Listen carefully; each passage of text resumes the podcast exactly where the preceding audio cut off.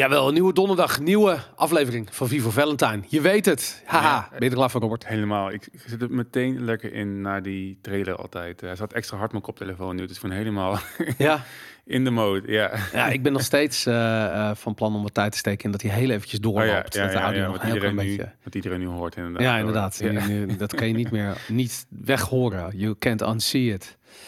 Hey, ehm, laten we gelijk van, van, van start trappen. Laten we gelijk aftrappen met Oekraïne. Ehm, de, wat daar plaatsvindt eh, is helaas niet volledig te lezen op nu.nl. Hmm. Eh, en op de NOS en in de Volkshand en de NRC en, en al, die, al die crap. Eh, daarin wordt verslag gedaan van, weet ik veel, de oorlogspropaganda die we voorbij zien komen. Maar de werkelijke aard van de derde wereldoorlog waar we in zitten, eh, draait zoals elke wereldoorlog om geld. En ehm, om dat uit te leggen, moeten we misschien heel even terug naar wat geld is.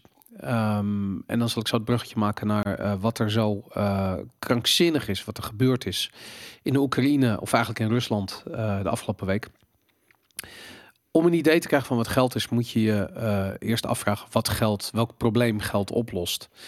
Ehm, dus eh, heel even terug naar de basis. Wij zijn twee boeren, Robert, jij en ik. Jij teelt kippen en ik koeien. En eh, we kunnen heel makkelijk een pak melk ruilen voor een doosje eieren, bij wijze van spreken. En dat kun je elke dag doen, want de melk gaat wel op en de eieren komen ook wel op. Maar op een gegeven moment wil jij een biefstuk hebben. En eh, nou, ik vind het wel lekker om een keer kip te eten. Maar goed, een hele koe versus één kip. Hoeveel kippen is dat een koe waard? Weet je, dat is lastig. En ehm, jij bent wel even bezig om die koe op te eten. Dat duurt wel eventjes, weet je. Maar die kip, die is zo weg, weet Mhm. je. Dus eh, dan wil ik misschien nog een kip. Maar dan heb jij zo van, ja, maar ik heb nog biefstuk, weet je. Dus en ik heb nog een hele koe liggen. Dus ja, wat, ik, ik weet niet, weet je. Dat, eh, ik hoef even niks. Dus die ehm, handel gaat ervan uit dat je iets hebt wat heet de coincidence of wants. Dus wij moeten puur toevalligerwijs op hetzelfde ogenblik hetzelfde van elkaar, of tenminste een bepaald goed van elkaar willen hebben om te kunnen handelen. Mhm. Nou, eh, geld lost de coincidence of wants op. Want je kunt namelijk de waarde van jouw kippen opslaan in geld en later omzetten voor een koe of een stukje koe als je daar behoefte aan hebt. Mhm. Ehm, daarvoor zijn een aantal eigenschappen nodig bij dat geld. Eh, wat je nodig hebt is, eh, het moet een store of value zijn, het moet een means of exchange zijn, en het moet een unit of account zijn. Die drie eigenschappen zorgen dat geld geld is. Dus je moet er je waarde in kunnen opslaan. Eh, iedereen moet weten wat de rekeneenheid is.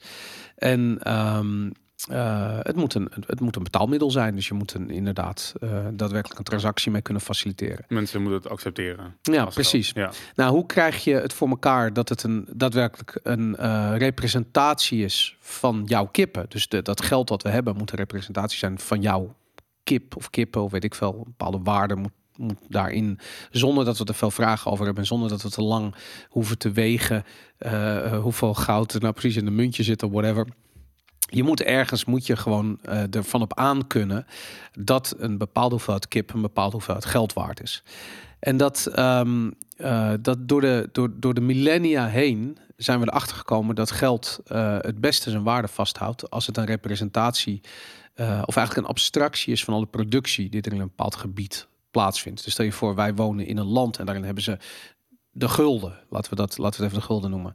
Ehm, alles wat er in dat land wordt geproduceerd, wordt eh, gerepresenteerd door de totale hoeveelheid guldens die er in omloop zijn. Wordt er meer eh, geproduceerd en blijven de hoeveelheid guldens gelijk, dan wordt de gulden neemt toe in koopkracht.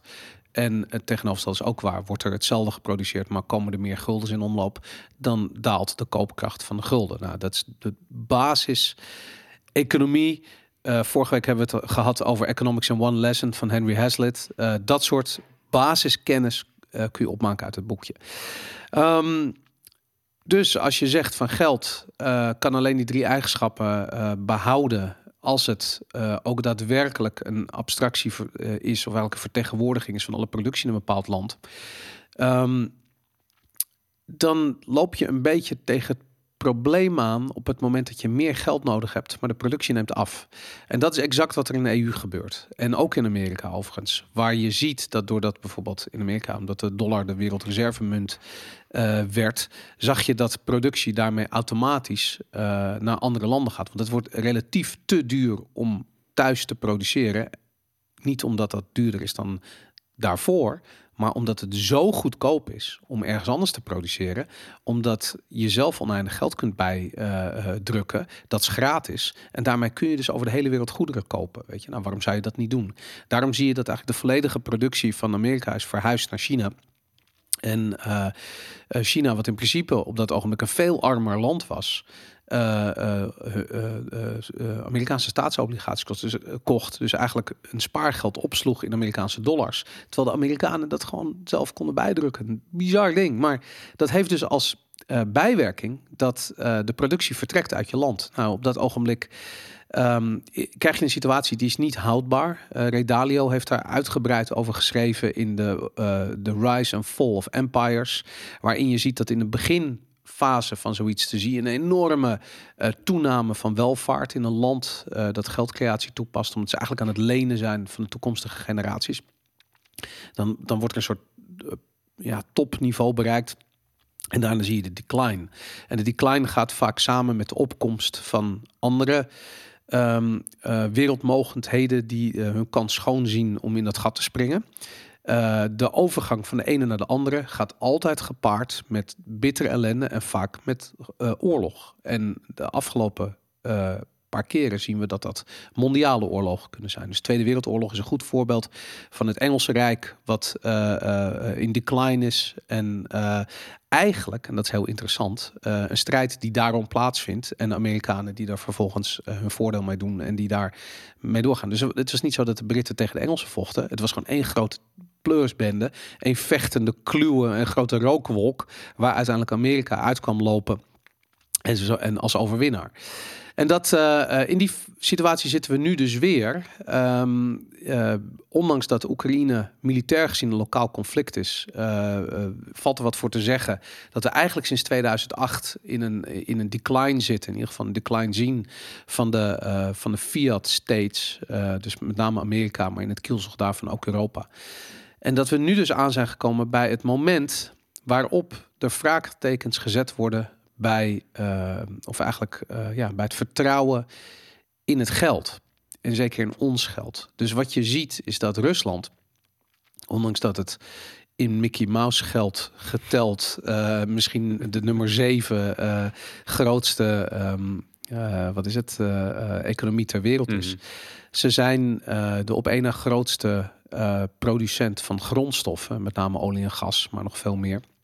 Het is natuurlijk een gigantisch land. Er zit ontzettend veel grond daar. Mm -hmm. En je zou kunnen zeggen dat hun roebel vertegenwoordigt, of is een abstractie van alle productie die ze hebben, uiteindelijk alles in het leven draait om energie. Dat is, dat is niet zozeer mijn theorie, maar er zijn vele economen die daar uh, uh, over, over praten. Weet je, voedsel kun je relatief uh, lokaal produceren, maar energie, de energiebehoefte neemt toe naarmate de welvaart groeit. Mm -hmm. En die energiebehoefte is, is alles bepalend.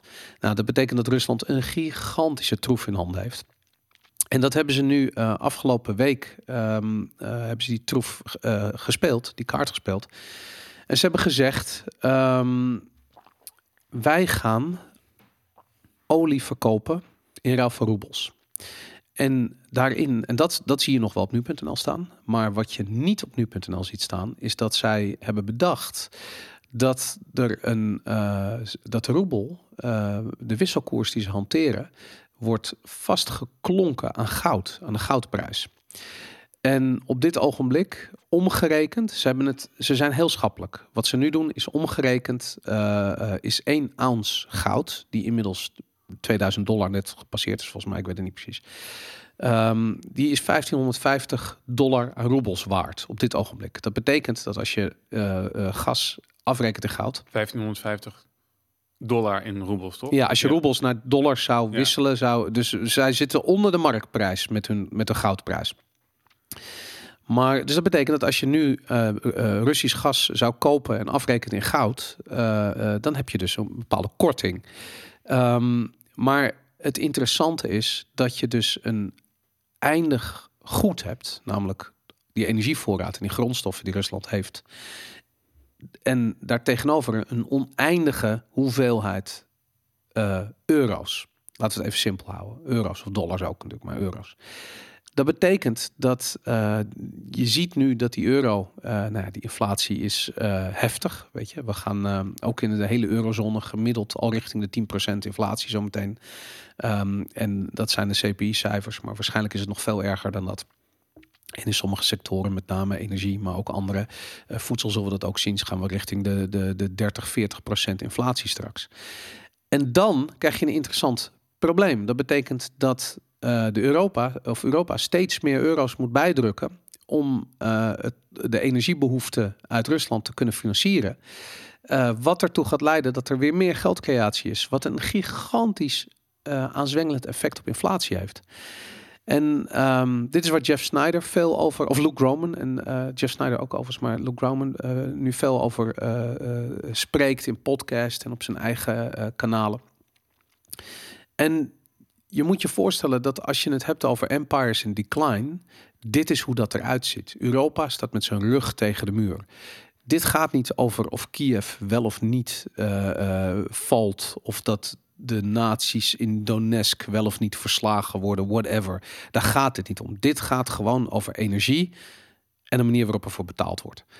En dat Um, daarvan heeft Larry Fink afgelopen. En dan, dan zal ik stoppen met mijn, met mijn, met mijn gigantische monoloog. Larry Fink, uh, de CEO van BlackRock, uh, heeft uh, afgelopen week op CNBC gezegd: De oorlog in de Oekraïne luidt het einde van globalisatie in. En wat hij daarmee bedoelt is dit: De euro en de dollar zijn niet meer in staat om zometeen nog af te rekenen voor Russische energie. Um, en Amerika heeft tenminste nog een beetje eigen energieproductie. Die zouden in theorie zelfvoorzienend kunnen zijn. Dat waren ze eventjes onder Trump. Europa maakt geen schijn van kans. Los van het Groningse gasveld en um, wat gas in de Noordzee, uh, wat van een gedeelte van uh, Noorwegen is, uh, is er niet bijster veel energieproductie in Europa. Uh, Duitsland is bezig zijn kerncentrales af te schaffen. Frankrijk die kijkt wel beter uit, dus daar gebeurt nog het een en ander. Maar het ziet er echt heel somber uit voor Europa als ze geen toegang meer hebben tot Russisch gas. En uh, het interessante is, we, we, zien natuurlijk alles gebeuren. We zien uh, of Russische banken die gecanceld worden en van Swift gegooid worden, weet ik wat. Maar niet als het om energie gaat. Er komt nog steeds gewoon gas door die Nord Stream 1 pijplijn heen, door Polen heen. op dit ogenblik zijn we nog niet van het gas, gas af. En dat heeft er ook mee te maken dat eigenlijk de soep niet zo heet gegeten wordt nog. Maar Poetin heeft gewoon duidelijk laten, laten merken van jongens, jullie staan met je rug tegen de muur. Je maakt geen schijn van kans. Ga maar lekker virtual signalen over Oekraïne. Heel veel succes ermee. Maar jullie hebben straks geen energie meer. En als je het wil hebben, dan kom je betalen in goud. En dat is het, uh, um, ja, dat is het einde van, van Europa. Het is het einde van de euro. Even kijken hoor, even kijken, want voor mij zijn er heel veel uh, facetten die je aanhaalt. Um, eerst even misschien die, misschien even het energieverhaal. Want ik heb het idee dat energie en geld wel, ik bedoel, het wordt nu gekoppeld, maar het zijn ook twee aparte ja. Um, um, aanvalstactieken, zeg maar. En één is nou dat, uh, nou, dat Europa afhankelijk is, of iedereen is afhankelijk van energie, inderdaad, om een een economie, een wereld, een maatschappij gewoon te laten te draaien. En daar heeft Rusland gewoon heel veel van. En daardoor hebben ze, los van hun uh, hoeveelheid Disney-dollars, inderdaad ook een, uh, een, een, een, energiemacht zijn ze in de wereld. Ja. Ik las ook dat we hebben het vorige keer gehad over hoeveel Nederland importeert en exporteert naar Rusland. Dat we echt een handelspartner nummer twee zijn naar China. Ja. Uh, ik heb nog een keertje opgezocht wat, wat dat was. Dat is voornamelijk dus inderdaad gas en, en olie. En Wellicht dat dat met Shell te maken heeft, ik weet het niet. Zo diep ben ik niet gedoken. Maar 89% van de import vanuit Rusland zijn inderdaad minerale grondstoffen. Ja. Um, en we hadden het eerder over de, de, de oorzaak en de reden zeg maar, van, van het conflict. En dat ligt misschien een beetje in, in, in lijn met um, zeg maar deze grond, het grondstoffenconflict eigenlijk. Ja. Um, dat was, dacht ik, tenminste ik heb een aantal artikelen gelezen die gingen over de rol van Amerika en de angst van Amerika dat Europa dichter tegen Rusland aan schurkt en wat innige banden krijgt en meer handel gaat drijven, waardoor de, ja, de, ehm, de, de, de hegemonie van, van Amerika gewoon eigenlijk afbrokkelt. Ja, En je zag het eigenlijk ook direct ook gebeuren na de start van de oorlog, dat die Nord Stream 2 pijpleiding van Rusland naar eh, Duitsland, die is wel af, maar werd niet geopend. dat is de aanleiding voor dit hele conflict. Ja. Alles wat er nu gebeurd is, heeft te maken met Nord Stream 2. Ja, want dan heb je weer een, eh, nou goed, een, eh, weet ik veel hoeveel eh, gassen daar per dag doorheen kan Ja. gaan. Maar dat maakt dus ook Europa afhankelijk van Rusland. En dat zag Amerika nou net even niet zitten. Nou ja, ook wel, want dat is wat Trump ook zei. Trump, ik heb, Trump heeft gezegd, volgens mij tegen, ik weet niet welke, wie toen de bondskanselier was, was het Merkel denk ik Merkel, wel. ja. Eh, of tegen een andere, of die eh de finance minister, ik weet niet meer. Maar die zei van, wil je dat? Wil je zo afhankelijk zijn van Rusland? Ik, hij heeft het, er is een opname van dat hij dat in een overleg tegen Duitsland zegt. Ja, Ja, en de vraag, eh, ja, je wil het niet, maar het alternatief is denk ik... er is op dit ogenblik geen alternatief. kernenergie. Nee, nu niet meer. Dat, heb je, Nee. dat hebben ze inderdaad gewoon zichzelf in, een- in een moeilijke situatie gebracht. Ja. Kernenergie zou voor iedereen inderdaad een onafhankelijke oplossing zijn. Dan heb je eigenlijk ehm, ja, nog net niet oneindige energie eh, zonder heel veel... ehm, ehm, je hebt heel veel hele hoge opzetkosten, maar niet zoveel lopende kosten. Ja, Maar na dat conflict, ik vind het interessant, want dat, ehm, ik weet niet of je dat artikel van Whitney Webb nog hebt gelezen over het ontstaan van de World Economic Forum. En nee. het idee, zeg maar, wat, wat zij beschrijft is heel goed, is dat Amerika ook aan de wieg stond van eh, het WEF eh, en de Europese Unie. Ja. En dat puur heeft gemaakt om Amerikaanse belangen te behartigen. Dus die eh, Klaus Schwab is, een, heeft op Harvard gestudeerd en heeft daar Henry Kissinger ontmoet. En ten tijde van eh, zijn studietijd is hij gewoon met zeg maar, alle neocons in aanraking gekomen... die zowel in Amerika de scepter zwaarden, maar dus ook een soort van CIA-dependance in Europa hebben gecreëerd, namelijk de World Economic Forum. Ja, Met als enige doel om inderdaad Europa in het lijntje van ehm, Amerika te houden. En er zijn meerdere mensen die daar nu ook artikelen over schrijven van... hey, misschien moeten we niet zo blind achter Amerika aanlopen in dit hele conflict. ja, Ehm, en ik vind het inter- interessant, want dat is ook wat, wat we vorige keer zeiden over die Victoria Newland. Die zei, fuck de E- EU. En dat is Ja. gewoon het sentiment wat heerst in Europa, of eh, in Amerika richting de EU. Van ja, zij moeten gewoon doen wat goed is voor ons. En we interesseert niet zo heel erg wat, wat daar gebeurt. ja. Dus- maar het, interessante wat je zegt, sorry dat ik je in de reden val. De, die twee filosofieën, dus de, eh, vanuit de traditionele Europese elite wordt er nog altijd naar Amerika gekeken. Van, ja, Mhm. dat, is die, dat zijn die kolonialen die afgesplitst zijn, weet je, dat, die, die halve barbaren. En de Russen exact hetzelfde van ja, die slaven daar in het oosten. Ik weet niet wat die in de sneeuw aan het doen zijn daar, weet je. Maar da, dat is die, die, die, die, die, die Europese elitaire mentaliteit. Mhm. En die Amerikanen, ja, die zijn zaken aan het doen. Weet je, dus die hebben wat dat betreft Europa al lang geleden ingehaald. In Europa zit tussen twee vuren in. Want inderdaad, vanuit Brussel worden we eh, richting, massaal richting Amerika geduwd. Zelfs in dit rare conflict. Terwijl toen eh, Europa nog niet op deze manier bestond, was Duitsland veel meer pro-Rusland. En dat is ook logisch, want Duitsland is echt voor 80% afhankelijk van zijn energievoorziening van Rusland. Dus dat is een hele eh, eh, ongelijkwaardige relatie. Mhm. Ehm, vreemd dat we nu opeens zo richting Amerika geduwd worden. Ja. ja, en dat is dus, dus de vraag was eerder van waarom dit conflict. En ik ga me af vanuit of ehm, we hebben met Arno gehad over het opschuiven van de NAVO richting, ehm, Ja, richting Rusland, maar ook de belangen van Amerikanen en vooral ook Amerikaanse politici in Oekraïne, financiële belangen in Ja. bedrijven, eh, kinderen van gekozen Pelosi, politici, van, eh, ehm, Biden. Biden en die andere, die Mormoon, Romney. Ja, Eh, die hebben allemaal belangen in energiebedrijven in, eh, in Oekraïne. Dus je ziet dat daar Amerika gewoon daar, daar, iets, daar iets heeft en da- daar zijn handen op wil houden. Zoals volgens mij in heel veel conflicten en oorlogen eh, natuurlijk het geval is. Kijk naar Irak en... eh, ja maar, maar dat is het, het hele ding. Ik bedoel, Rusland heeft gewoon ontzettend veel eh, eh, olie en gas. Dat betekent dat het automatisch een target is voor Amerika. mhm. Want als Rusland zich ve- vrij vecht uit dat petrodollar systeem, stort dat in elkaar. En dat is wat er nu gebeurd is. Ja, en de grap is natuurlijk dat ze dat zelf aan het doen zijn. Dus dat vond ik ook mooi in het artikel wat je had doorgestuurd. Dat, oké, eerst het doel is bereikt. Want ze hebben nu die Nord Stream 2 niet geopend. Dus die afhankelijkheid tussen Duitsland en Rusland wordt minder. En ehm, wie, die eh, finance minister van eh, Duitsland, ik weet niet meer wat zijn naam, maar die zei van...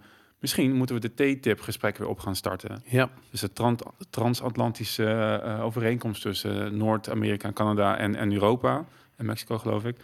Ehm, nou goed, wat in een eerder stadium hier al is afgeschoten, daar nu, keer, nu in één keer willen ze daar weer over praten. Dus Ja. die banden, die innige banden met Amerika worden, worden duidelijk aangehaald. Dus volgens mij is, ik zou bijna zeggen, mission accomplished. Ja. Vanuit, vanuit de neocon eh, hoek, eh, vanuit Amerika. En ik denk inderdaad dat het, dat het ik, ja, en de vraag is, waar ben je als Europa beter af? Nou, de vraag van Trump aan eh, Duitsland, van ja, wil je zo afhankelijk zijn van Rusland? Ja, ik weet niet. Wil je zo afhankelijk zijn van Amerika? Ja. Nou ja, dat, dat, dat is de, ra- eh, het interessante. En dat, dat, dat is volgens mij ook iets wat eerder ter sprake is gekomen. We zijn aan het verschuiven. Er vindt een verschuiving plaats van een, van een eh, unipolaire wereld naar een wereld met meerdere polen, met Hmm. meerdere machtscentra. Mhm. Weet je, eh, China is er overduidelijk eentje, Amerika is er eentje natuurlijk. Amerika en Europa zijn nu één, maar wat als dat uit elkaar verschuift? Rusland is nu opgestaan en heeft gezegd van luister, als je ook maar iets met onze olie en gas wil, dan zul je moeten afrekenen in de currency die wij kiezen. En dat kan voor Turkije de Turkse lira zijn. Eh, het kan voor Europa eh, gaat het roebels zijn. We, we hebben, we hebben ons niet goed gedragen in de ogen van Poetin, dus we moeten nu in roebels afrekenen, of in goud, of in bitcoin, of whatever. Dat hebben ze letterlijk gezegd. In ieder geval niet meer in, eh, in euro's. Eh, de Franse Macron heeft gezegd in reactie eh, tegen Poetin. wij kunnen helaas niet energie afnemen in roebels. Dat kan niet. Natuurlijk kan dat. Wat een onzin. Tuurlijk het kan niet. dat. Je Ja. wil het niet. Nee. Waarom kan dat niet? Omdat daarmee blaas je Europa op. En eh, eh, eh, het enige wat Poetin nu nog hoeft te doen, is zijn armen over elkaar te slaan en achterover te leunen en wachten totdat Europa of geen gas meer heeft, en, of, of dat misschien eerder inziet en dan al overstag gaat. Maar er, het, het, het hele grote probleem wat er nu speelt, is dat Europa moet naar, ehm, eh, hoe heet het, naar Rusland toe voor energie. Ehm, en gaat dat moeten afrekenen in een, in een currency die hard is voor Europa. Hmm. En dat is, een, dat is het einde van Brussel. Dat is het einde van de World Economic Forum. Dat is het einde van al die, die eh, statists, weet je, van die, van die hoe noem, wat is het? eh, Stat, statisten of Stat- e- eta, eta, etaïsten. Etaïsten. Dat is het einde van de etaïsten. De mensen die dus blind geloven in de macht van de staat. Ja. Eh, want ze, er is geen geld meer om die macht te financieren. Ja, dat vond ik ook een, misschien nog even het laatste puntje van die, van die grondstofconflict. voordat ik naar het, financiële, monetaire aspect ga, is. En ook Rusland, die heeft in Oekraïne natuurlijk ehm, delen bezet als eerste, waar nog hele grote verwachte eh, bronnen van gas en olie liggen. Ja. Dus in het zuiden van, van Dat zijn Oekraïne en Mario het- Pol. Ja, precies daar. ja. En in het noord, noordoosten van het, eh, van het land. Eh, wat, wat heel eh, waarschijnlijk sowieso heel mi- mineraalrijk is, maar waarvan ze ook verwachten dat er nog veel meer in de grond zit dan nu al ontdekt is. Ja, En eh, Poetin heeft ook heel erg ge- gepusht voor regime change. ja. Ehm, maar dat was waarsch- waarschijnlijk een, een bluff om, om meer vragen aan die wil. Maar de laatste berichten die, ehm, ehm, die ik erover las, is dat ze nu waarschijnlijk willen aansturen op een soort van splitsing tussen het Russische deel van Oekraïne, met alle grondstoffen dus, ja. en het, zeg maar, het westerse deel van Oekraïne, wat, eh, wat meer Kiev gezind is. Het is bizar, want Poetin is in elk opzicht als winnaar uit deze situatie Mhm. gekomen. En ook hij. En ik bedoel, begrijp ons niet verkeerd, weet je. Ja, dat Biden- maken. Poetin, Rutte, het zijn allemaal mensen die eh, kunnen bestaan, die voortkomen uit, eh, uit bureaucratie. Zonder dat soort centrale macht heb je niet dat soort figuren. Ze zijn allemaal even slecht. Poetin, Biden, Rutte, Macron, het is allemaal hetzelfde. Eh, dus we zijn niet per se fan van Poetin, om dit te zeggen. Maar als je gewoon kijkt naar het macro-economisch spel wat hier gespeeld wordt, dan zie je gewoon van het enige wat Poetin hoefde te doen was de relatie met Europa op scherp te zetten. En da daar is hij al in geslaagd. Het moment dat de eerste tanks Oekraïne binnenrolden. Europa is gewoon vol in die val getrapt. Ze hebben blind zijn ze erin gegaan. En Poetin lacht zich helemaal rot, weet je. En alle propaganda die hier op ons wordt losgelaten... en hoe boos we zijn en Giro 555 en weet ik veel wat allemaal. Eh, het, is, het is vreselijk, want het, is, het gaat ten koste van de Oekraïnse burgers. Dat is echt... En ook, moet ik eerlijk zeggen... de Russische soldaten die daar nu in de benen geschoten worden... en die sneuvelen en weet ik veel wat. Al die beelden zijn te vreselijk voor woorden. Oorlog is gewoon ontzettend naar. En het zou niet mogen bestaan. Maar het bestaat bij de gratie van die centrale planners... die ehm, ja, op een gegeven moment zo groot worden... dat ze dus op wereldschaal eh, ehm, ja, dit soort spellen kunnen spelen. Hmm. En ik vraag me af of, of Rusland dit een. eh, of ze, ik, ik heb het idee dat ze gewoon een hele briljante tegenreactie hebben, hebben ehm, gemaakt richting zeg maar de, beweging vanuit, v- nou, voornamelijk vanuit Amerika en met eh, Europa als een soort van schoothondje erbij. Eh, want ik las dus in het artikel dat Rusland, of nee, dat de G7 was bezig met het een verbod op de verkoop van goud door Rusland. Ja, Dus zij verwachten van, oké, we hebben, al jullie dollarreserves bevroren, geen geld en je kan binnenkort moeilijk je rekening betalen. Dus je gaat goud verkopen om eh, liquideren, om, om dingen weer te kunnen kopen. Maar ze doen het tegenovergestelde. Zij zeggen, we gaan tegen een vaste prijs, die eh, gaan wij goud opkopen. ja. En dat is, maar goed, ik moet zeggen, ik vind het, ik vond het ingewikkeld. Want dat is dus eigenlijk net iets, voor mij net iets anders dan daadwerkelijk de, de roebel koppelen aan, aan goud. Maar ze hebben een bodem gezet onder de goudprijs. precies dat. Ja. En eh, zij, zij zijn de buyer of last resort als het om goud gaat. ja. Ja. Maar dan, maar wat, wat is dat? Want ik neem aan dat het een effect heeft op de dollar, Nou, wat het, effect, het effect wat, da, wat je, het heeft met de goudmarkt te maken. En het probleem met de goudmarkt op dit ogenblik is dat je hebt de fysieke goudmarkt en je hebt een papieren goudmarkt. En nou goed, er, zijn, er is bewijs eh, eh, in overvloed. Er zijn ook eh, veroordelingen voor geweest dat de papieren goudmarkt gemanipuleerd wordt. Nou, Willem Middelkoop meerdere Ja, keren wou over gesproken. ja. Mhm. Ehm, maar wat er dus gebeurt, is dat als jij een, een, weet ik veel, een of andere future of een ETF koopt voor, voor, voor goud, dan gaat het waarschijnlijk om een of ander huis of een bank waar dat goud dan in de kluis ligt. En dan koop je dan een stukje van op papier. Nou, dan is het maar de vraag of dat goud daar daadwerkelijk ligt. Weet je, niemand weet bijvoorbeeld ook hoeveel goud er in Fort Knox ligt in, in, in Amerika. Een beetje En- hoe fiat geld ontstaan is dus. Ja, dat hele probleem. Dat, dat, en daarmee is het oneindig te manipuleren. En dat gebeurt ook, want die goudprijs, dat is een raar verhaal. Dat is gewoon echt een raar verhaal. Weet je, ik bedoel, da- daar gebeurt bitter weinig. Terwijl je ziet Bitcoin, zie je eh, keer vijf, keer zes gaan in, eh, in twee jaar tijd, bij wijze van spreken. Waarom gebeurt dat niet met goud? Dat is vreemd. Mhm. En ehm, nou ja, het antwoord op die vraag is dat die goudmarkt gemanipuleerd wordt. Maar dat betekent op een gegeven moment dat is eh, houdbaar tot het moment waarop iedereen zijn papieren contracten wil omzetten in fysiek goud. Dus die zegt van luister, fuck it, die future die ik gekocht heb, dat is leuk en aardig, maar ik wil dat het goud fysiek geleverd wordt bij mij thuis. En dat, ehm, ehm, dat gaat gebeuren op het moment dat Rusland een bodem zet. Want Hmm. eh, dan, wat je dan vervolgens krijgt, is dat, er, dat mensen liever fysiek goud willen hebben. Ehm, dat gaan opsturen eh, per postduif naar Rusland, of weet ik veel wat. Maar er is gewoon een grotere vraag naar fysiek goud. Naarmate die, die prijs van papiergoud en, en, en fysiek goud, als dat uit elkaar eh, begint te liggen of begint te breken zelfs, eh, dan eh, is het vertrouwen weg in die markt. En dan gaat het alleen nog om fysiek goud. En dan ga je een gigantische eh, sprong in die goudprijs zien. En dat is wat, wat, wat Ru- Rusland nu aan het doen is. En de reden waarom ze dat doen. ehm, Paul Volcker, die in de jaren, wat was de jaren 80 eh, eh, heeft ingegrepen in de renteprijzen. Hij was toen chairman van de Fed in Amerika. En hij, ehm, hij greep in omdat er was sprake van flinke inflatie. En toen heeft hij in één keer de, ehm, de rentepercentages naar richting de 14, 15 procent opgeschroefd. Gigantische eh, economische crisis in Amerika eh, als gevolg. Maar daarmee heeft hij wel de dollar gered.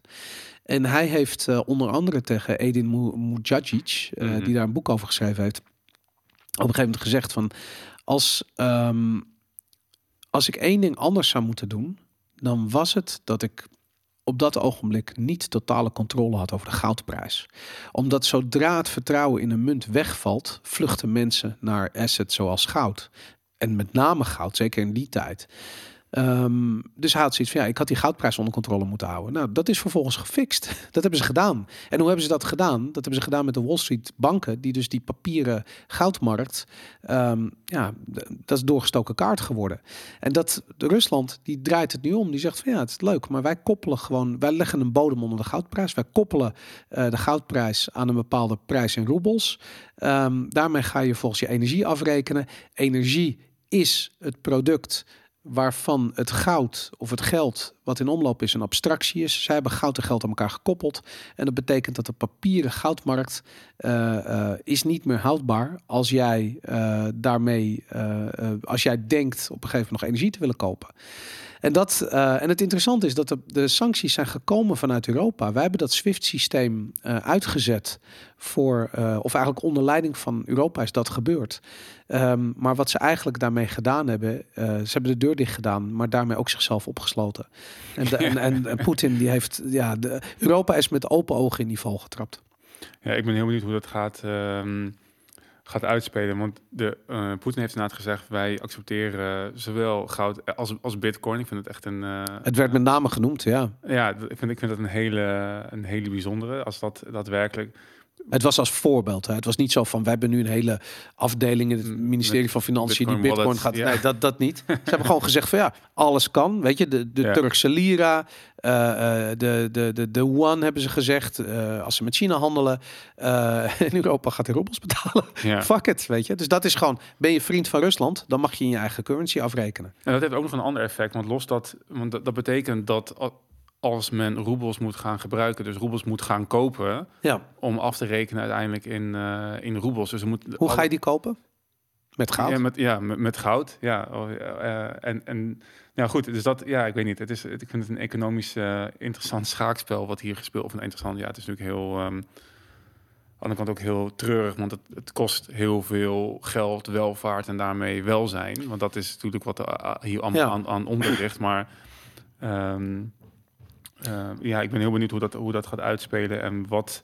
Want het is nog niet gebeurd, zeg maar. Want ik bedoel, er is, nee. er is nog niks dicht, zeg maar. We krijgen nog steeds gas en energie vanuit uh, Rusland. We leven Die nog steeds in euro's worden afgegeven. Steeds in euro's worden afgegeven. Uh, euro's of dollars? Is dat? Ik, ik zou denken in euro's. In ieder geval niet. Ik weet dat niet eigenlijk niet eens. In ieder geval niet in, in, in, roebels. Dus daar er wordt nu toe heel veel gepraat en, en gelukkig nog weinig, weinig gedaan.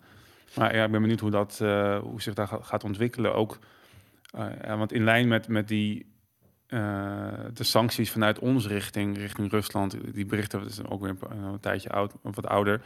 Ik vind het bizar dat we nu los van, uh, want dat wat ik net zeg, van dit, is een interessant schaakspel wat hier gebeurt. Maar het is jammer, want er gebeuren ook heel veel dingen voor gewoon individuen eronder. Dus de overheden die met elkaar vechten, die ja. vertrappelen gewoon de mensen van... Absoluut, ja. Voor burgerrechten is dit is het, uh, vreselijk. Ja, en, en uh, je ziet ook dat het zelfs verder gaat dan uh, overheden die nou, alleen maar Rusland aanpakken. Je ziet -huh. ook, ook die berichten van al die oligarchen die hun... Um, jachten en dergelijke kwijtraakt. Nou goed, niemand zou daar heel erg uh, wakker van liggen. En in Rusland vinden ze dat ook heel grappig. Ja, ze haten die oligarchen. Ja, precies. En die zijn natuurlijk ook in, in, in, in bed met de overheid en Poetin um, in de sauna, of zoals Arno zegt, om allerlei um, um, favors voor zichzelf te krijgen. Dus dat, dat zou niemand heel erg vinden. Maar het schept wel een precedent. En het gebeurt niet alleen met oligarchen, want het gebeurt ook met de mensen die op de website Upwork zitten of ja. de TikTokkers uh, of in, en Instagrammers um, die, hun, uh, die in tranen zijn omdat ze hun account niet meer in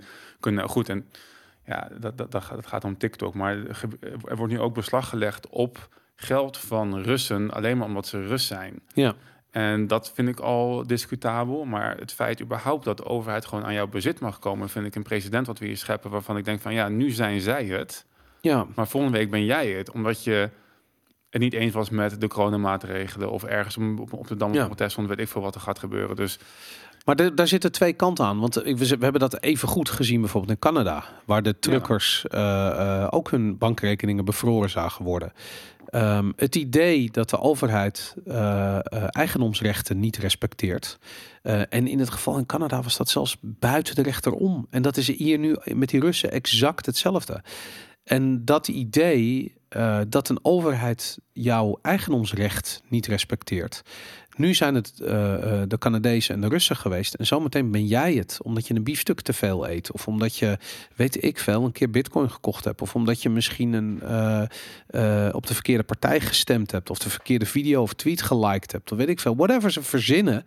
Vroeger of later komen ze voor jouw bezit. Op het moment dat de overheid eigendomsrechten niet niet respecteert. En dat vind ik zo goed aan de aflevering van vorige week. Weet je, we hebben het even over democratie gehad.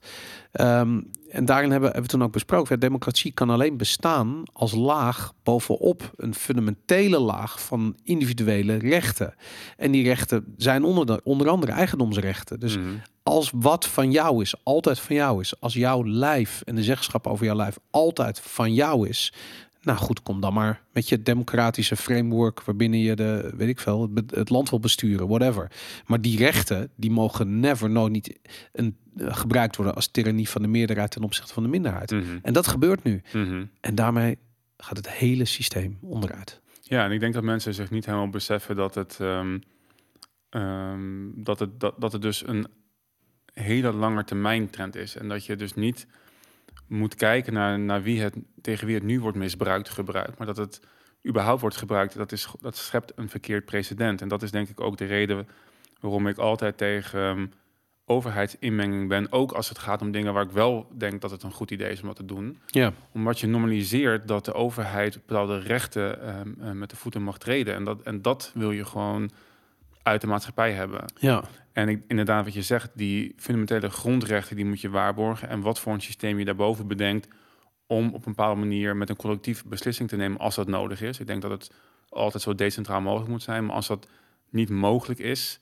ja, dan krijg je een soort van hele grote VVE waarbij je afspraken maakt. Ja. Ehm, eh, ja, goed. En dat, en dat kan je, dat ik bedoel, een BV of een NV of wat dan ook, die hebben ook gewoon aandelen met stemrecht. Dus daar is ook gewoon de meerderheid telt. Alleen het is een vrijwillig orgaan waarbij mensen zich inkopen eh, en stemrechten inkopen en iedereen ja, achter, eh, achter de vrijwillige gevormde statuten en dergelijke staat. ja.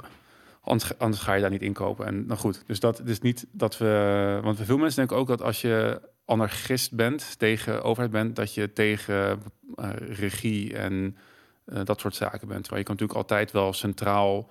Ja. eh, eh, bijvoorbeeld de VVE of een, wat ik zeg, een aandeelhoudersvergunning is ook een centraal orgaan om iets te organiseren. Maar het is anders van aard dan bij de overheid, waarbij gewoon heel veel dwang komt kijken. En Ja. eh, nou goed, die, die, die tegenspraak eigenlijk niet mogelijk is. Ja, precies. Nou goed, ik vind dit Russen die hun bezit kwijtraken, eh zijn de voorboden voor ehm, andere groepen mensen die hun bezit kwijt gaan raken.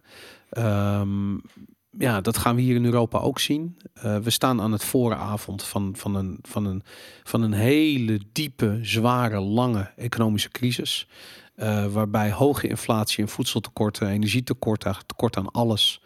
ehm, zometeen gaan spelen. Daar moet je je op voorbereiden. Je moet er rekening mee houden dat de overheid komt voor wat jij hebt. Ook al is het misschien vergezocht, ook al lijkt het toekomstmuziek, je moet daar rekening mee houden. Ehm, gewoon omdat, ja, dat is wat we nu zien gebeuren. En het is dat gezegde van, eerst kwamen ze voor eh, eh, die groep en toen kwamen ze voor die groep. En toen ze voor mij kwamen, was er niemand meer over om het voor mij op te nemen. Weet je, en daarom moet je nu eh, niet blij staan te lachen als ze een Russisch jacht in beslag nemen. Want nu is het een Russisch jacht, maar zometeen is het de inhoud van je koelkast. En dat, ehm, ja, dan, dan lach je niet meer zo hard. Ja, hetzelfde met inderdaad vrijheid van meningsuiting. Ik, ik sta voor jouw recht om iets te zeggen waar, waar, wat, waar, wat ik niet leuk vind. Ja, Het gaat, vrijheid van meningsuiting gaat niet om dat je dingen kan zeggen die iedereen het fijn vindt om te horen. Maar je moet alles kunnen zeggen. En dat Precies. Is om, met, nou, hetzelfde als, als wat je net schetst. Dat, ehm, eh, het is gewoon een onomvreembaar recht. En, wat, en dat moet je altijd eerbiedigen. ehm, ook als jij eh, eh, als je ergens niet mee eens bent. Ja, nou ja, absoluut. Goed, dus eh, de oorlog in Oekraïne. ehm, ik denk eigenlijk dat de oorlog zelf daar gaat uitdoven. Ik denk dat Zelensky geen kant op kan en op een gegeven moment akkoord zal zijn met de eh, Russische eh, eisen. Ehm, maar ik denk dat het op dat ogenblik al te laat is voor de euro en voor Europa. Want dat, eh, dat schip is, dat is in beslag genomen. En dat, dat gaat echt niet meer omgekeerd worden. En ik denk eerlijk gezegd dat Poetin, ehm, ja, die is een nieuwe. eh, weet je, dat is hetzelfde als je het hebt over voedselvoorziening in Nederland bijvoorbeeld. Wij zijn het grootste eh, voedselproducerend land ter wereld na Amerika. Ehm, dat betekent dat Nederland in principe een redelijk goede plek is om te zitten op het moment dat er sprake is van voedselschaarste.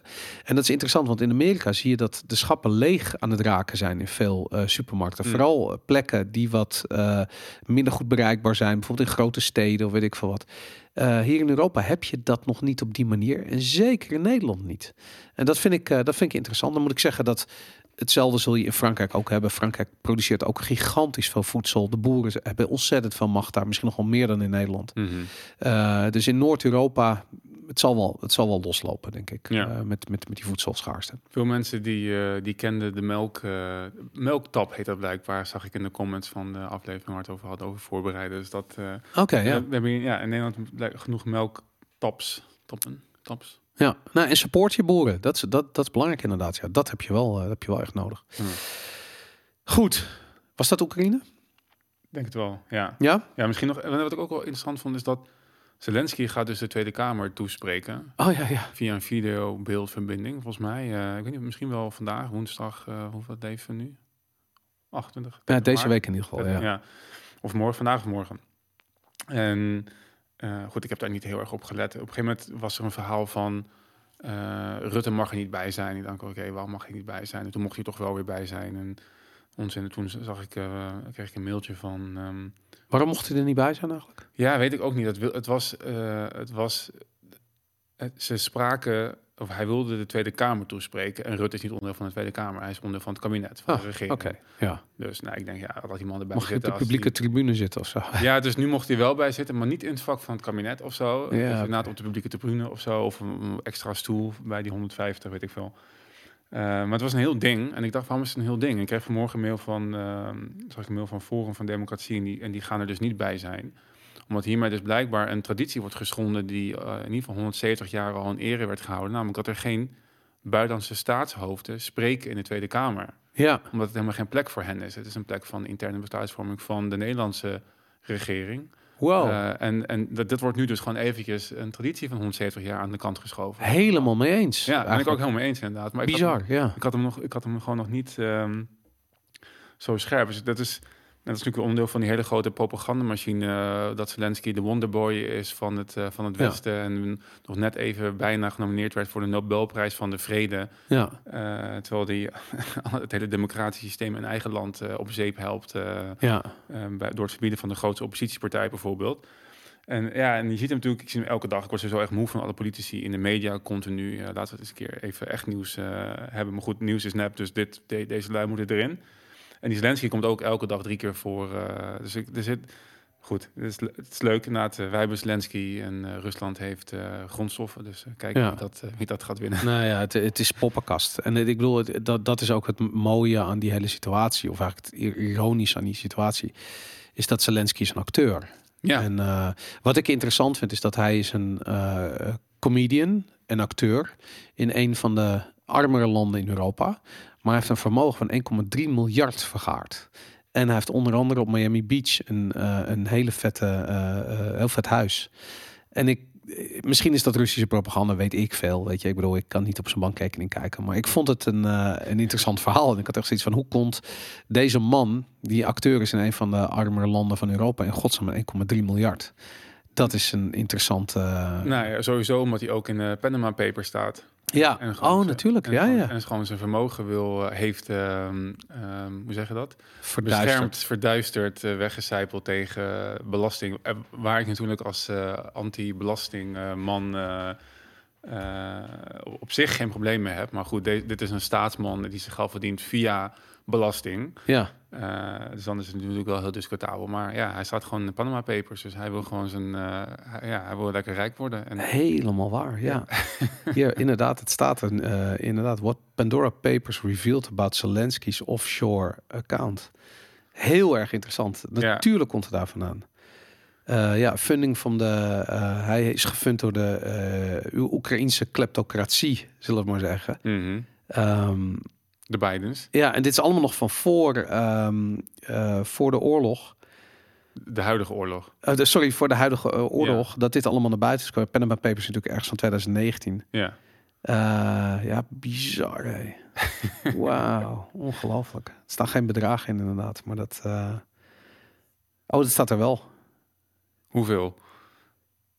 Ehm, even kijken. ehm, ja, Zelensky is aan de macht gekomen omdat hij eh, eh, blijkbaar eh, zijn voorganger van corruptie had, eh, eh, beschuldigd. Ehm,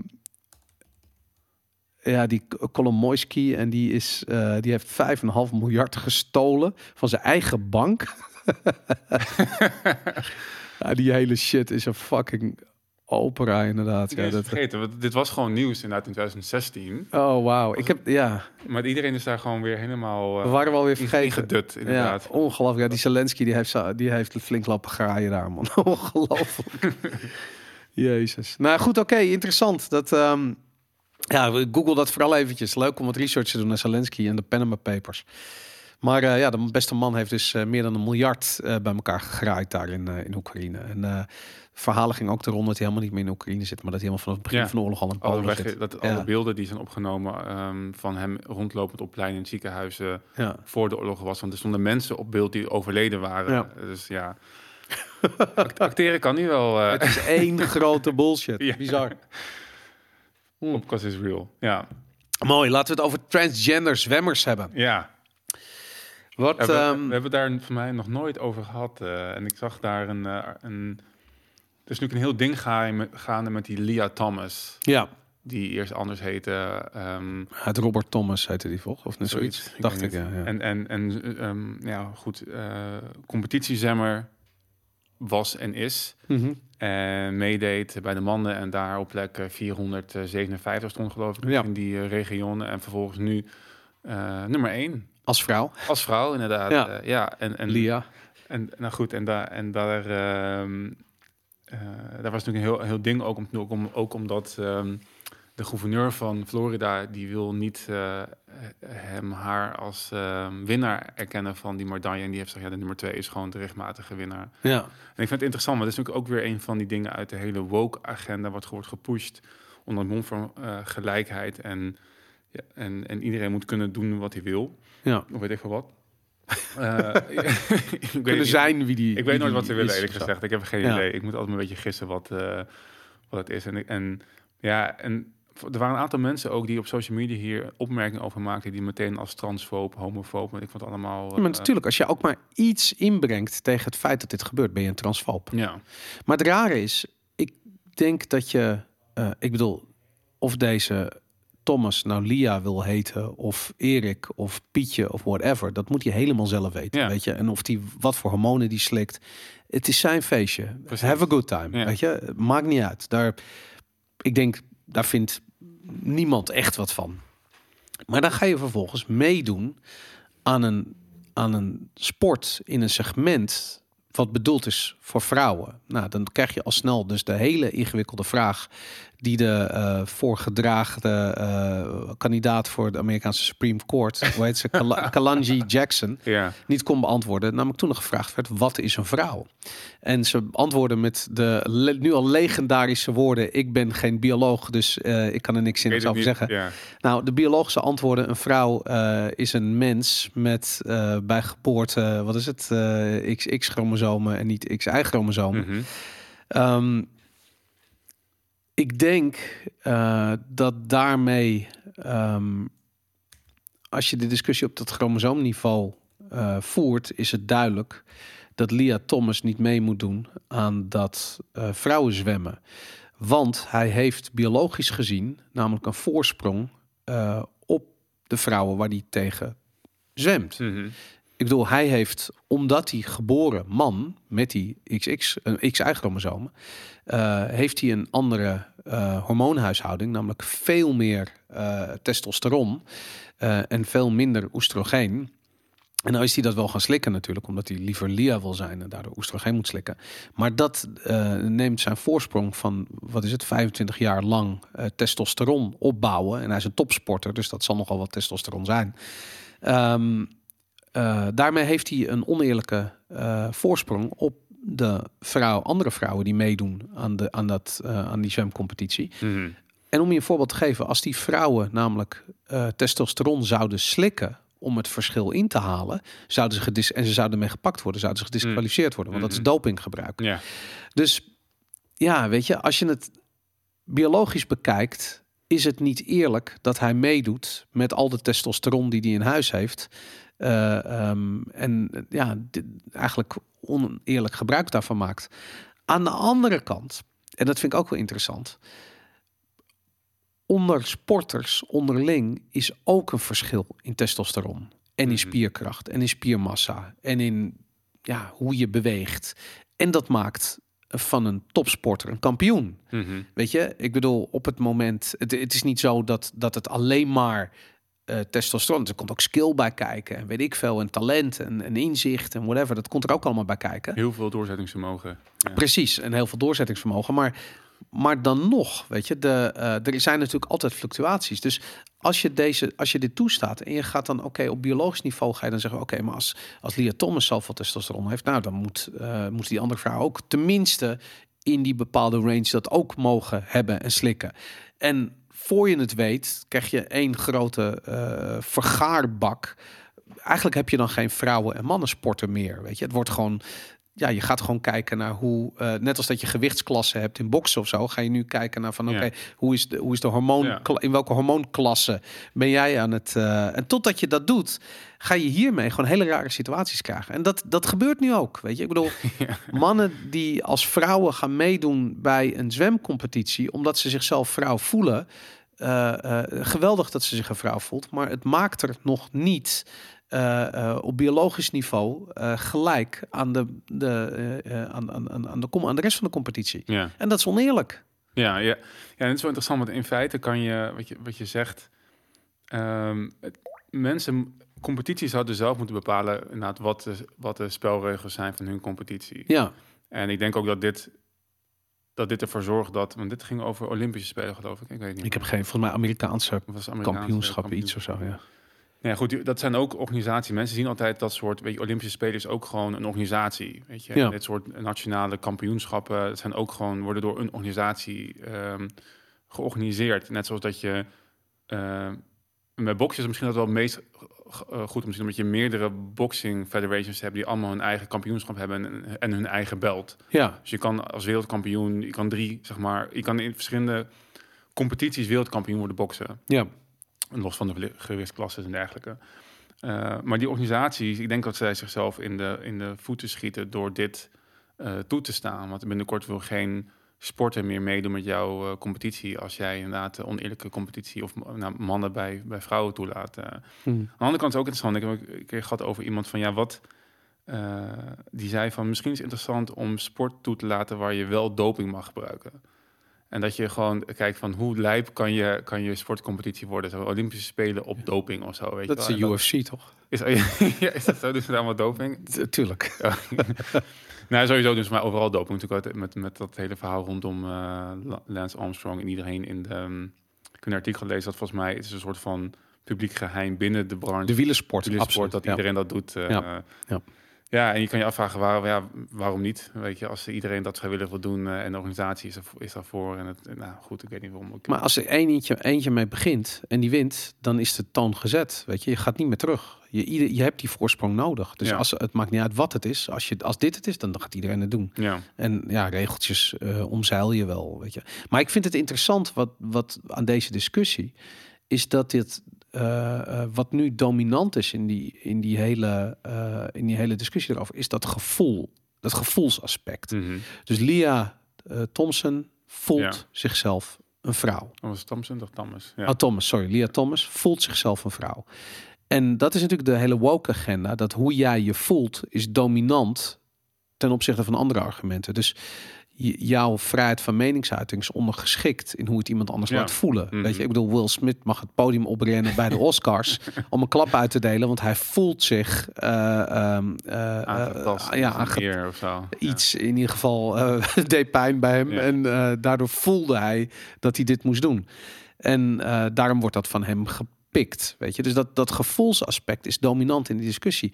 En dat is niet oké. weet Mhm. je, ik bedoel, je gevoel is je gevoel. Het is leuk, maar er zijn andere dingen belangrijker dan dat. En bijvoorbeeld vrijheid van meningsuiting, grondrechten, eh, eh, vrijheid om de, je- weet ik veel, je eigen lichaam eh, daar zeggenschap over te hebben. Weet je, ik bedoel, als iemand zich ehm, eh, hoe noem je dat, bedreigd voelt omdat jij niet een bepaalde eh, experimentele medische injectie hebt ondergaan.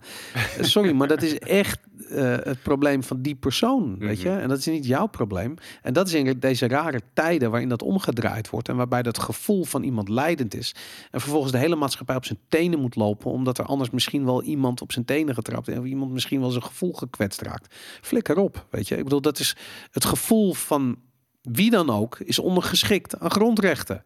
En ik vind het vervelend als je gevoelens gekwetst zijn. Kut, weet je, maar ja, kom op, weet je. tissue. We gaan Daarom, verder. inderdaad, ja.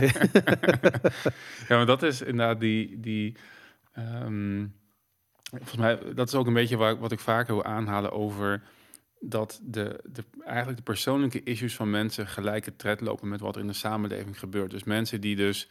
En iedereen heeft dat. Iedereen heeft dingen meegemaakt in zijn jeugd of de rest van zijn leven die jou bepaalde angsten, trauma's en emoties, zeg maar, eh, meegeeft. En dat, eh, dat gebeurt gewoon, dat is een gegeven. En er zijn een groep mensen die dat soort, soort van niet als gegeven aannemen. En via Ja. allerlei manieren de verantwoordelijkheid daarvoor bij de ander wil leggen. Dat komt door eh, kolonisatie, door het patriga- patrigaat, door, weet je, door de mannen. Eh, maar niet door mijn ouders en zeker niet door mij, die vanaf mijn achttiende niet het werk heeft gedaan om die problemen intern op te lossen. ja. En nou goed, dat is, dat is volgens mij de basis van die hele woke-beweging van eh, ik ben niet verantwoordelijk voor mijn pijn en verdriet, dat zijn jullie. Ja. En jullie moeten dat gaan oplossen. En OW, als je ten- in de tussentijd nog eens een keer mijn gevoelens kwetst, ja. dan ben je dubbel, dubbel eh, fout bezig.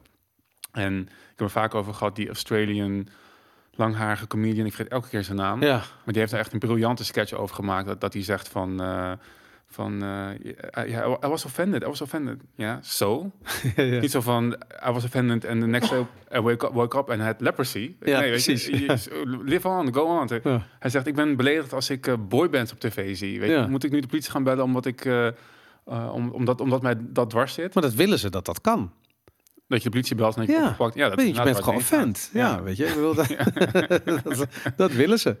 Ja, ik vind, ja, het is. En ik denk ook dat een, een, een probleem in het, in het geheel zit, en volgens mij ook ehm, voornamelijk in de relatie tussen die mensen, zoals Lia Thomas en de overheid. Want er is ook al een hele discussie gaande over wat staat er in je paspoort. Ja, Hoe ben je geregistreerd? Omdat er aan jouw juridische gender, zeg maar, allerlei zaken hangen. Ja. En ik denk dus dat ook dat het wat dat betreft ook weer een non-issue is. Want net zoals Jordan Peterson zei, want dit is de reden dat Jordan Peterson bekend is geworden. Er was een wetgeving in Canada die zei van we gaan jou verplichten om mensen op een bepaalde manier aan te spreken. Zeg maar. Dat ja de pronouns. de pronouns inderdaad. En hij zegt, ja, daar ben ik op tegen. En hij zegt niet, niet als jij naar me toe komt en je zegt van, hey, kan je me eh, haar noemen? Ja, Eh, of of, of, of eh, zij, als je mij met, naar zij met, met mij, hoe zeg je dat? Met zij naar mij verwijzen. Mhm. Dat is het probleem niet, maar ik wil niet dat dit in de wet wordt verankerd, omdat het ook weer bepaalde grondrechten aantast en een bepaalde vrijheid van mij aantast. Eh, eh, en ik denk dus dat het probleem ook heel vaak zit in de relatie tussen deze mensen en de overheid. Eh, ja. ik denk als we de overheid inrichten zoals wij het zouden zien, dan was, was, was het een nog groter non-issue. Want elke wc is een beetje genderneutraal. eh in ieder geval bij mij thuis wel. Ik heb, want ik heb er maar één. en eh, bij heel veel plekken volgens mij ook. Dus dat, boeit, dat boeit niet. Dat kunnen mensen zelf Ja. afspreken hoe ze dat, hoe ze dat inrichten. Maar het is Ja. denk ik ook vaak in de, in de relatie tot de overheid dat ze iets moeten opgeven op een formulier en zich daar niet lekker bij voelen. Ja, nou absoluut. Ik vind nog eh, eh, de interessante, want in het kielzog van deze discussie, en we hebben natuurlijk gezien dat de Amerikaanse staat Florida, eh, die heeft zich uitgesproken tegen, eh, of die heeft zich heeft gezegd van ja, wij erkennen dat eh, die medaille niet, of iets dergelijks, van Ja. Lia Thomas. Ehm, er, geldt, of er speelt eigenlijk ook een hele discussie over een wetsvoorstel in, in Florida over het wel of niet toestaan van onderwijs in, ja, hoe, mo- hoe moet ik dat omschrijven? Die, die, beetje die genderdiversiteitsagenda, dat, onderwijs.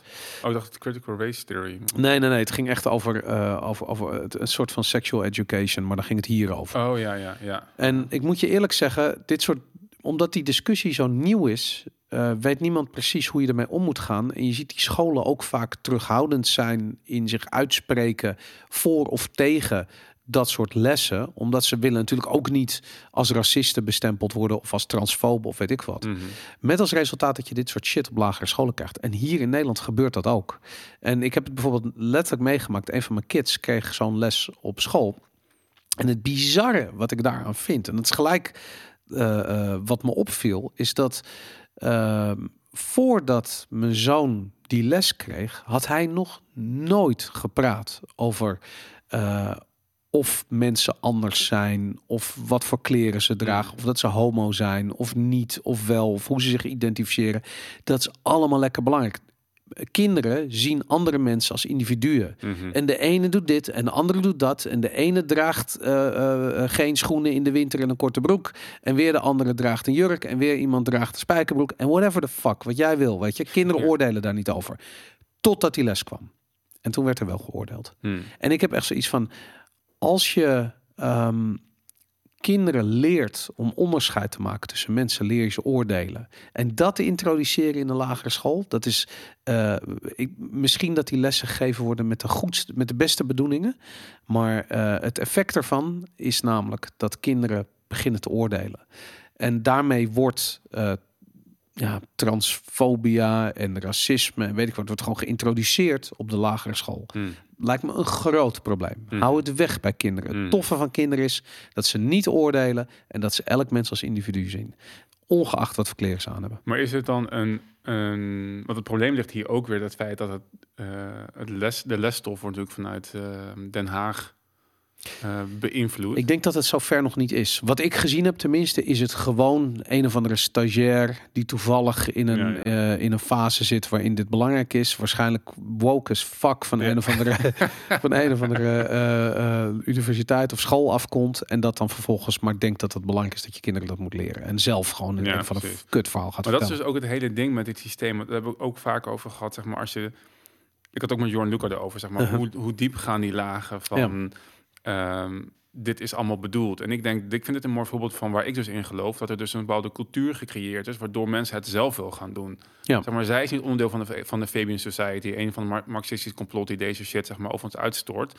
Maar zij is het wel oprecht gaan geloven. Ja. Aan de hand van jarenlange propaganda, in- indoctrinatie en opvoeding. Ja. En daar zit een groot probleem in dat, nou goed, dat, dat, je, dat mensen... En ik vraag me dus ook af of Schwab daar ook niet onder valt. Zeg maar. In hoeverre gelooft hij dat hij wat hij doet daadwerkelijk iets is wat de wereld verbetert? Omdat hij gewoon gelooft in die centralistische gedachten. In zeg maar de staat is belangrijk en moet problemen oplossen. Anders krijg je corporaties die... die Daar gelooft hij zeker in, want anders is hij zijn leven lang bezig met een, met een, met een toneelstuk. Ja, Eh, Ik bedoel, want hij zijn hele leven staat in het teken van die World Economic Forum. ja. Daarom zou het fantastisch zijn als het nog tijdens zijn leven in elkaar klapt.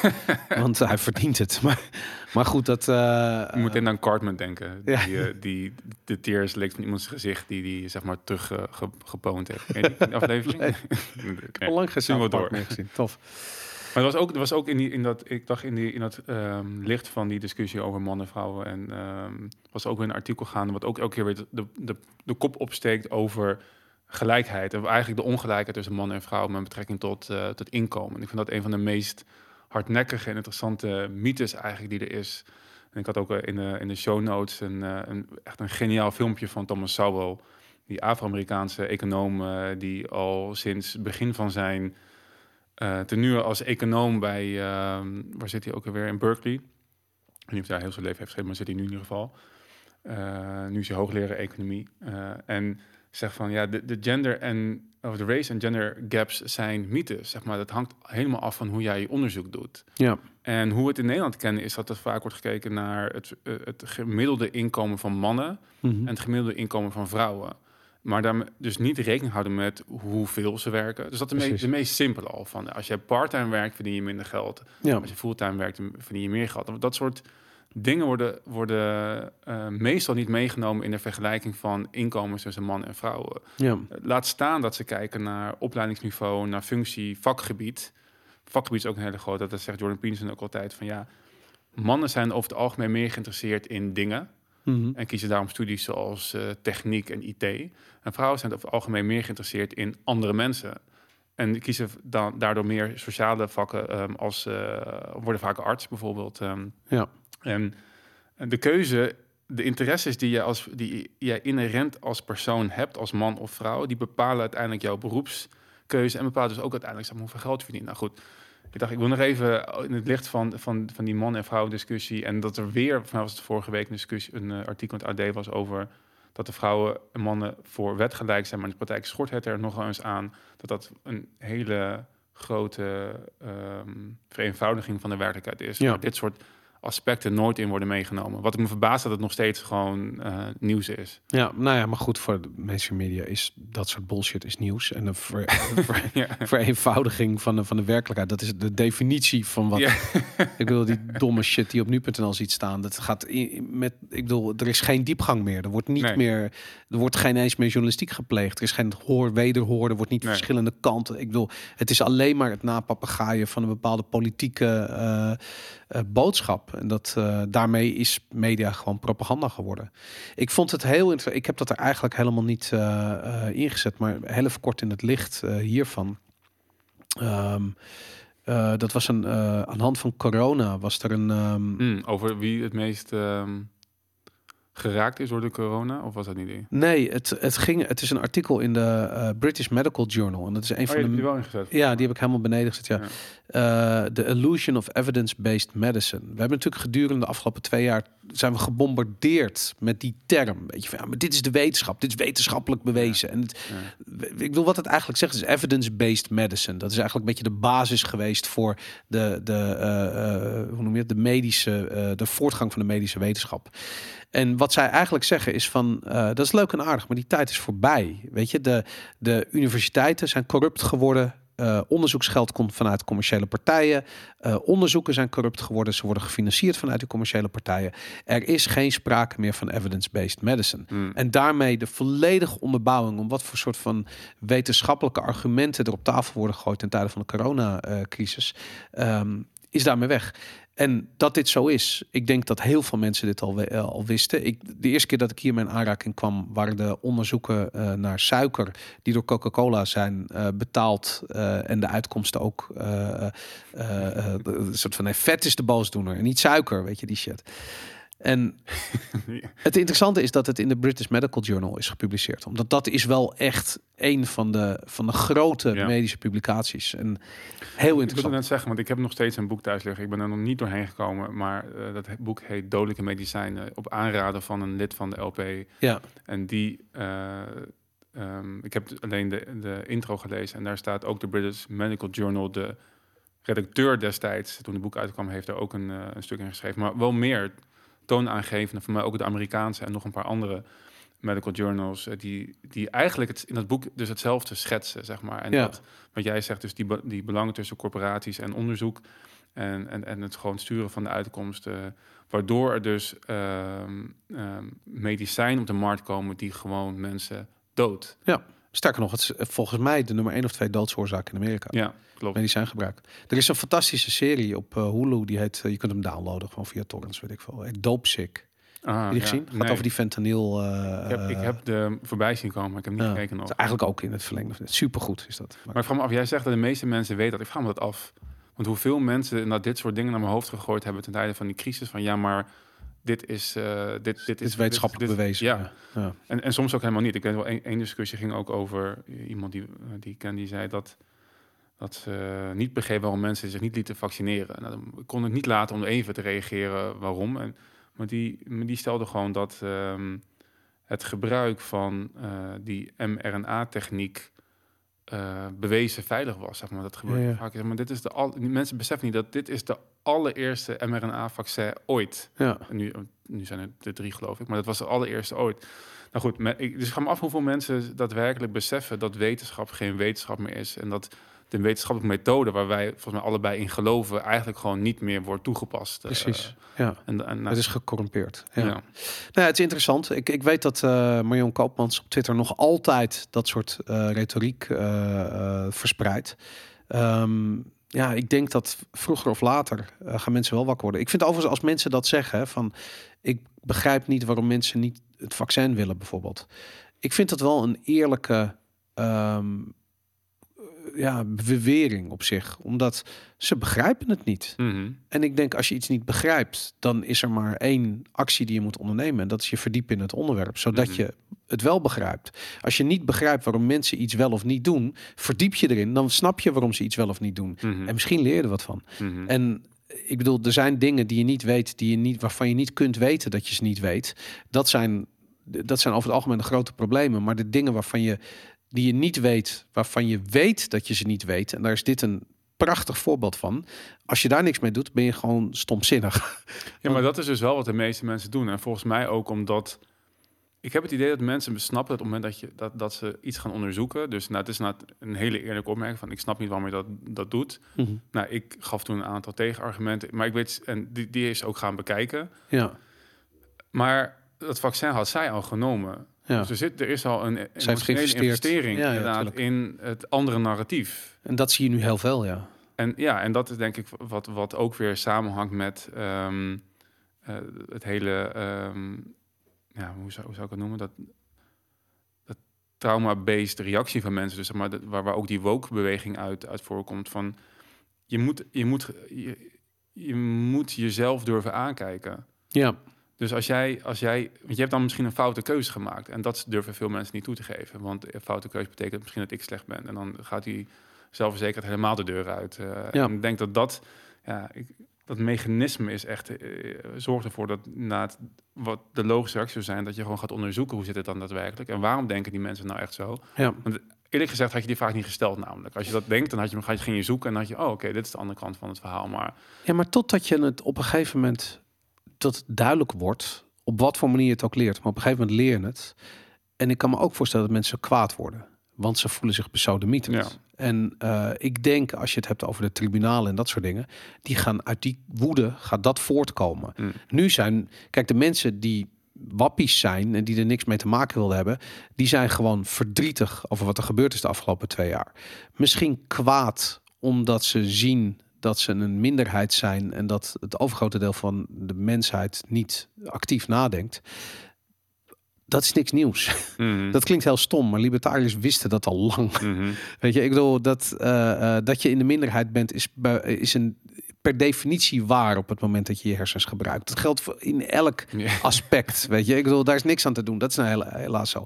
Maar als de meerderheid wakker wordt, die gaan kwaad worden. En eh, ja, die gaan zich echt, ge, ge- hoe noem je dat, aangerand voelen Ja. door de overheid, wat ze ook zijn. En eh, ja, dan ga, je, dan ga je inderdaad, als je die volkswoede over je af, afroept, dan krijg je inderdaad wel die tribunalen op een gegeven moment. Mhm. Ik denk ook dat hij andersom ook leeft, trouwens, die verantwoordelijkheid nemen. Als we daar toch nog even bij eh, stil kunnen staan. Wat ik ook heel veel zie, is dat mensen, vooral de afgelopen twee jaar, een soort van de overheidsmaatregelen aangrijpen om hun leven helemaal stil te zetten. Ja, En ik heb daar veel sympathie voor, omdat ik natuurlijk ook, ik zie ook de belemmerende ehm, invloed van de overheid op, eh, op mijn leven en dat van iedereen in, om, om ons heen. En dat ze, en nou goed, ik, eh, elke week vertel ik wel over de, vertel- vertellen wij wel over de, de, de, de, de, de gevolgen van een te grote overheidsinmenging. We zijn daarop tegen, maar ik vind ook dat mensen hier zelf meer verantwoordelijkheid kunnen nemen door te zeggen, oké, maar ik geloof gewoon hier, hier en hierin. En ik ga daar het beste van maken. En ik merk ook, Ja.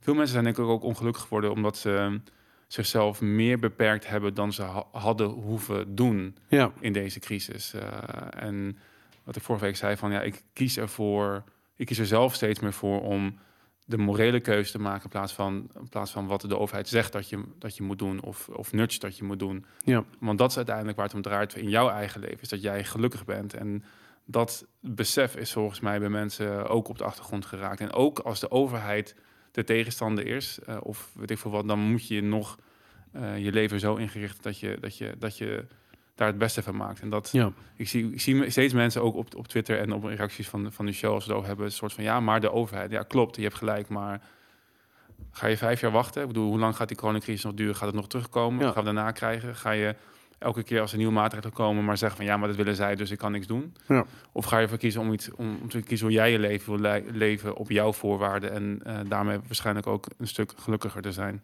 Maar ik denk dat, dat, ja, dat, dat, dat is inderdaad dat thema. We hebben dat vaak besproken, maar dat heeft met zingeving te maken. En het Ja. feit dat mensen daar heel veel moeite mee hebben Mhm. om dat eh, uit iets anders te halen dan een kant-en-klaar voorgeschoteld recept. Mhm. En of dat recept nou bestaat uit wat Netflix eh, eh, op het programma heeft staan, of dat het eh, de, de kaders zijn waarbinnen de overheid je leven inricht.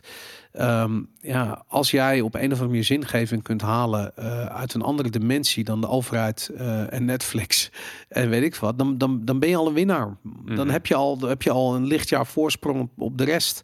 En ehm, ja, we, hebben het, we- weet je, dit is de hero's journey waar we het over hadden. Die hero's journey wordt gesimuleerd door media en entertainment en digitale entertainment.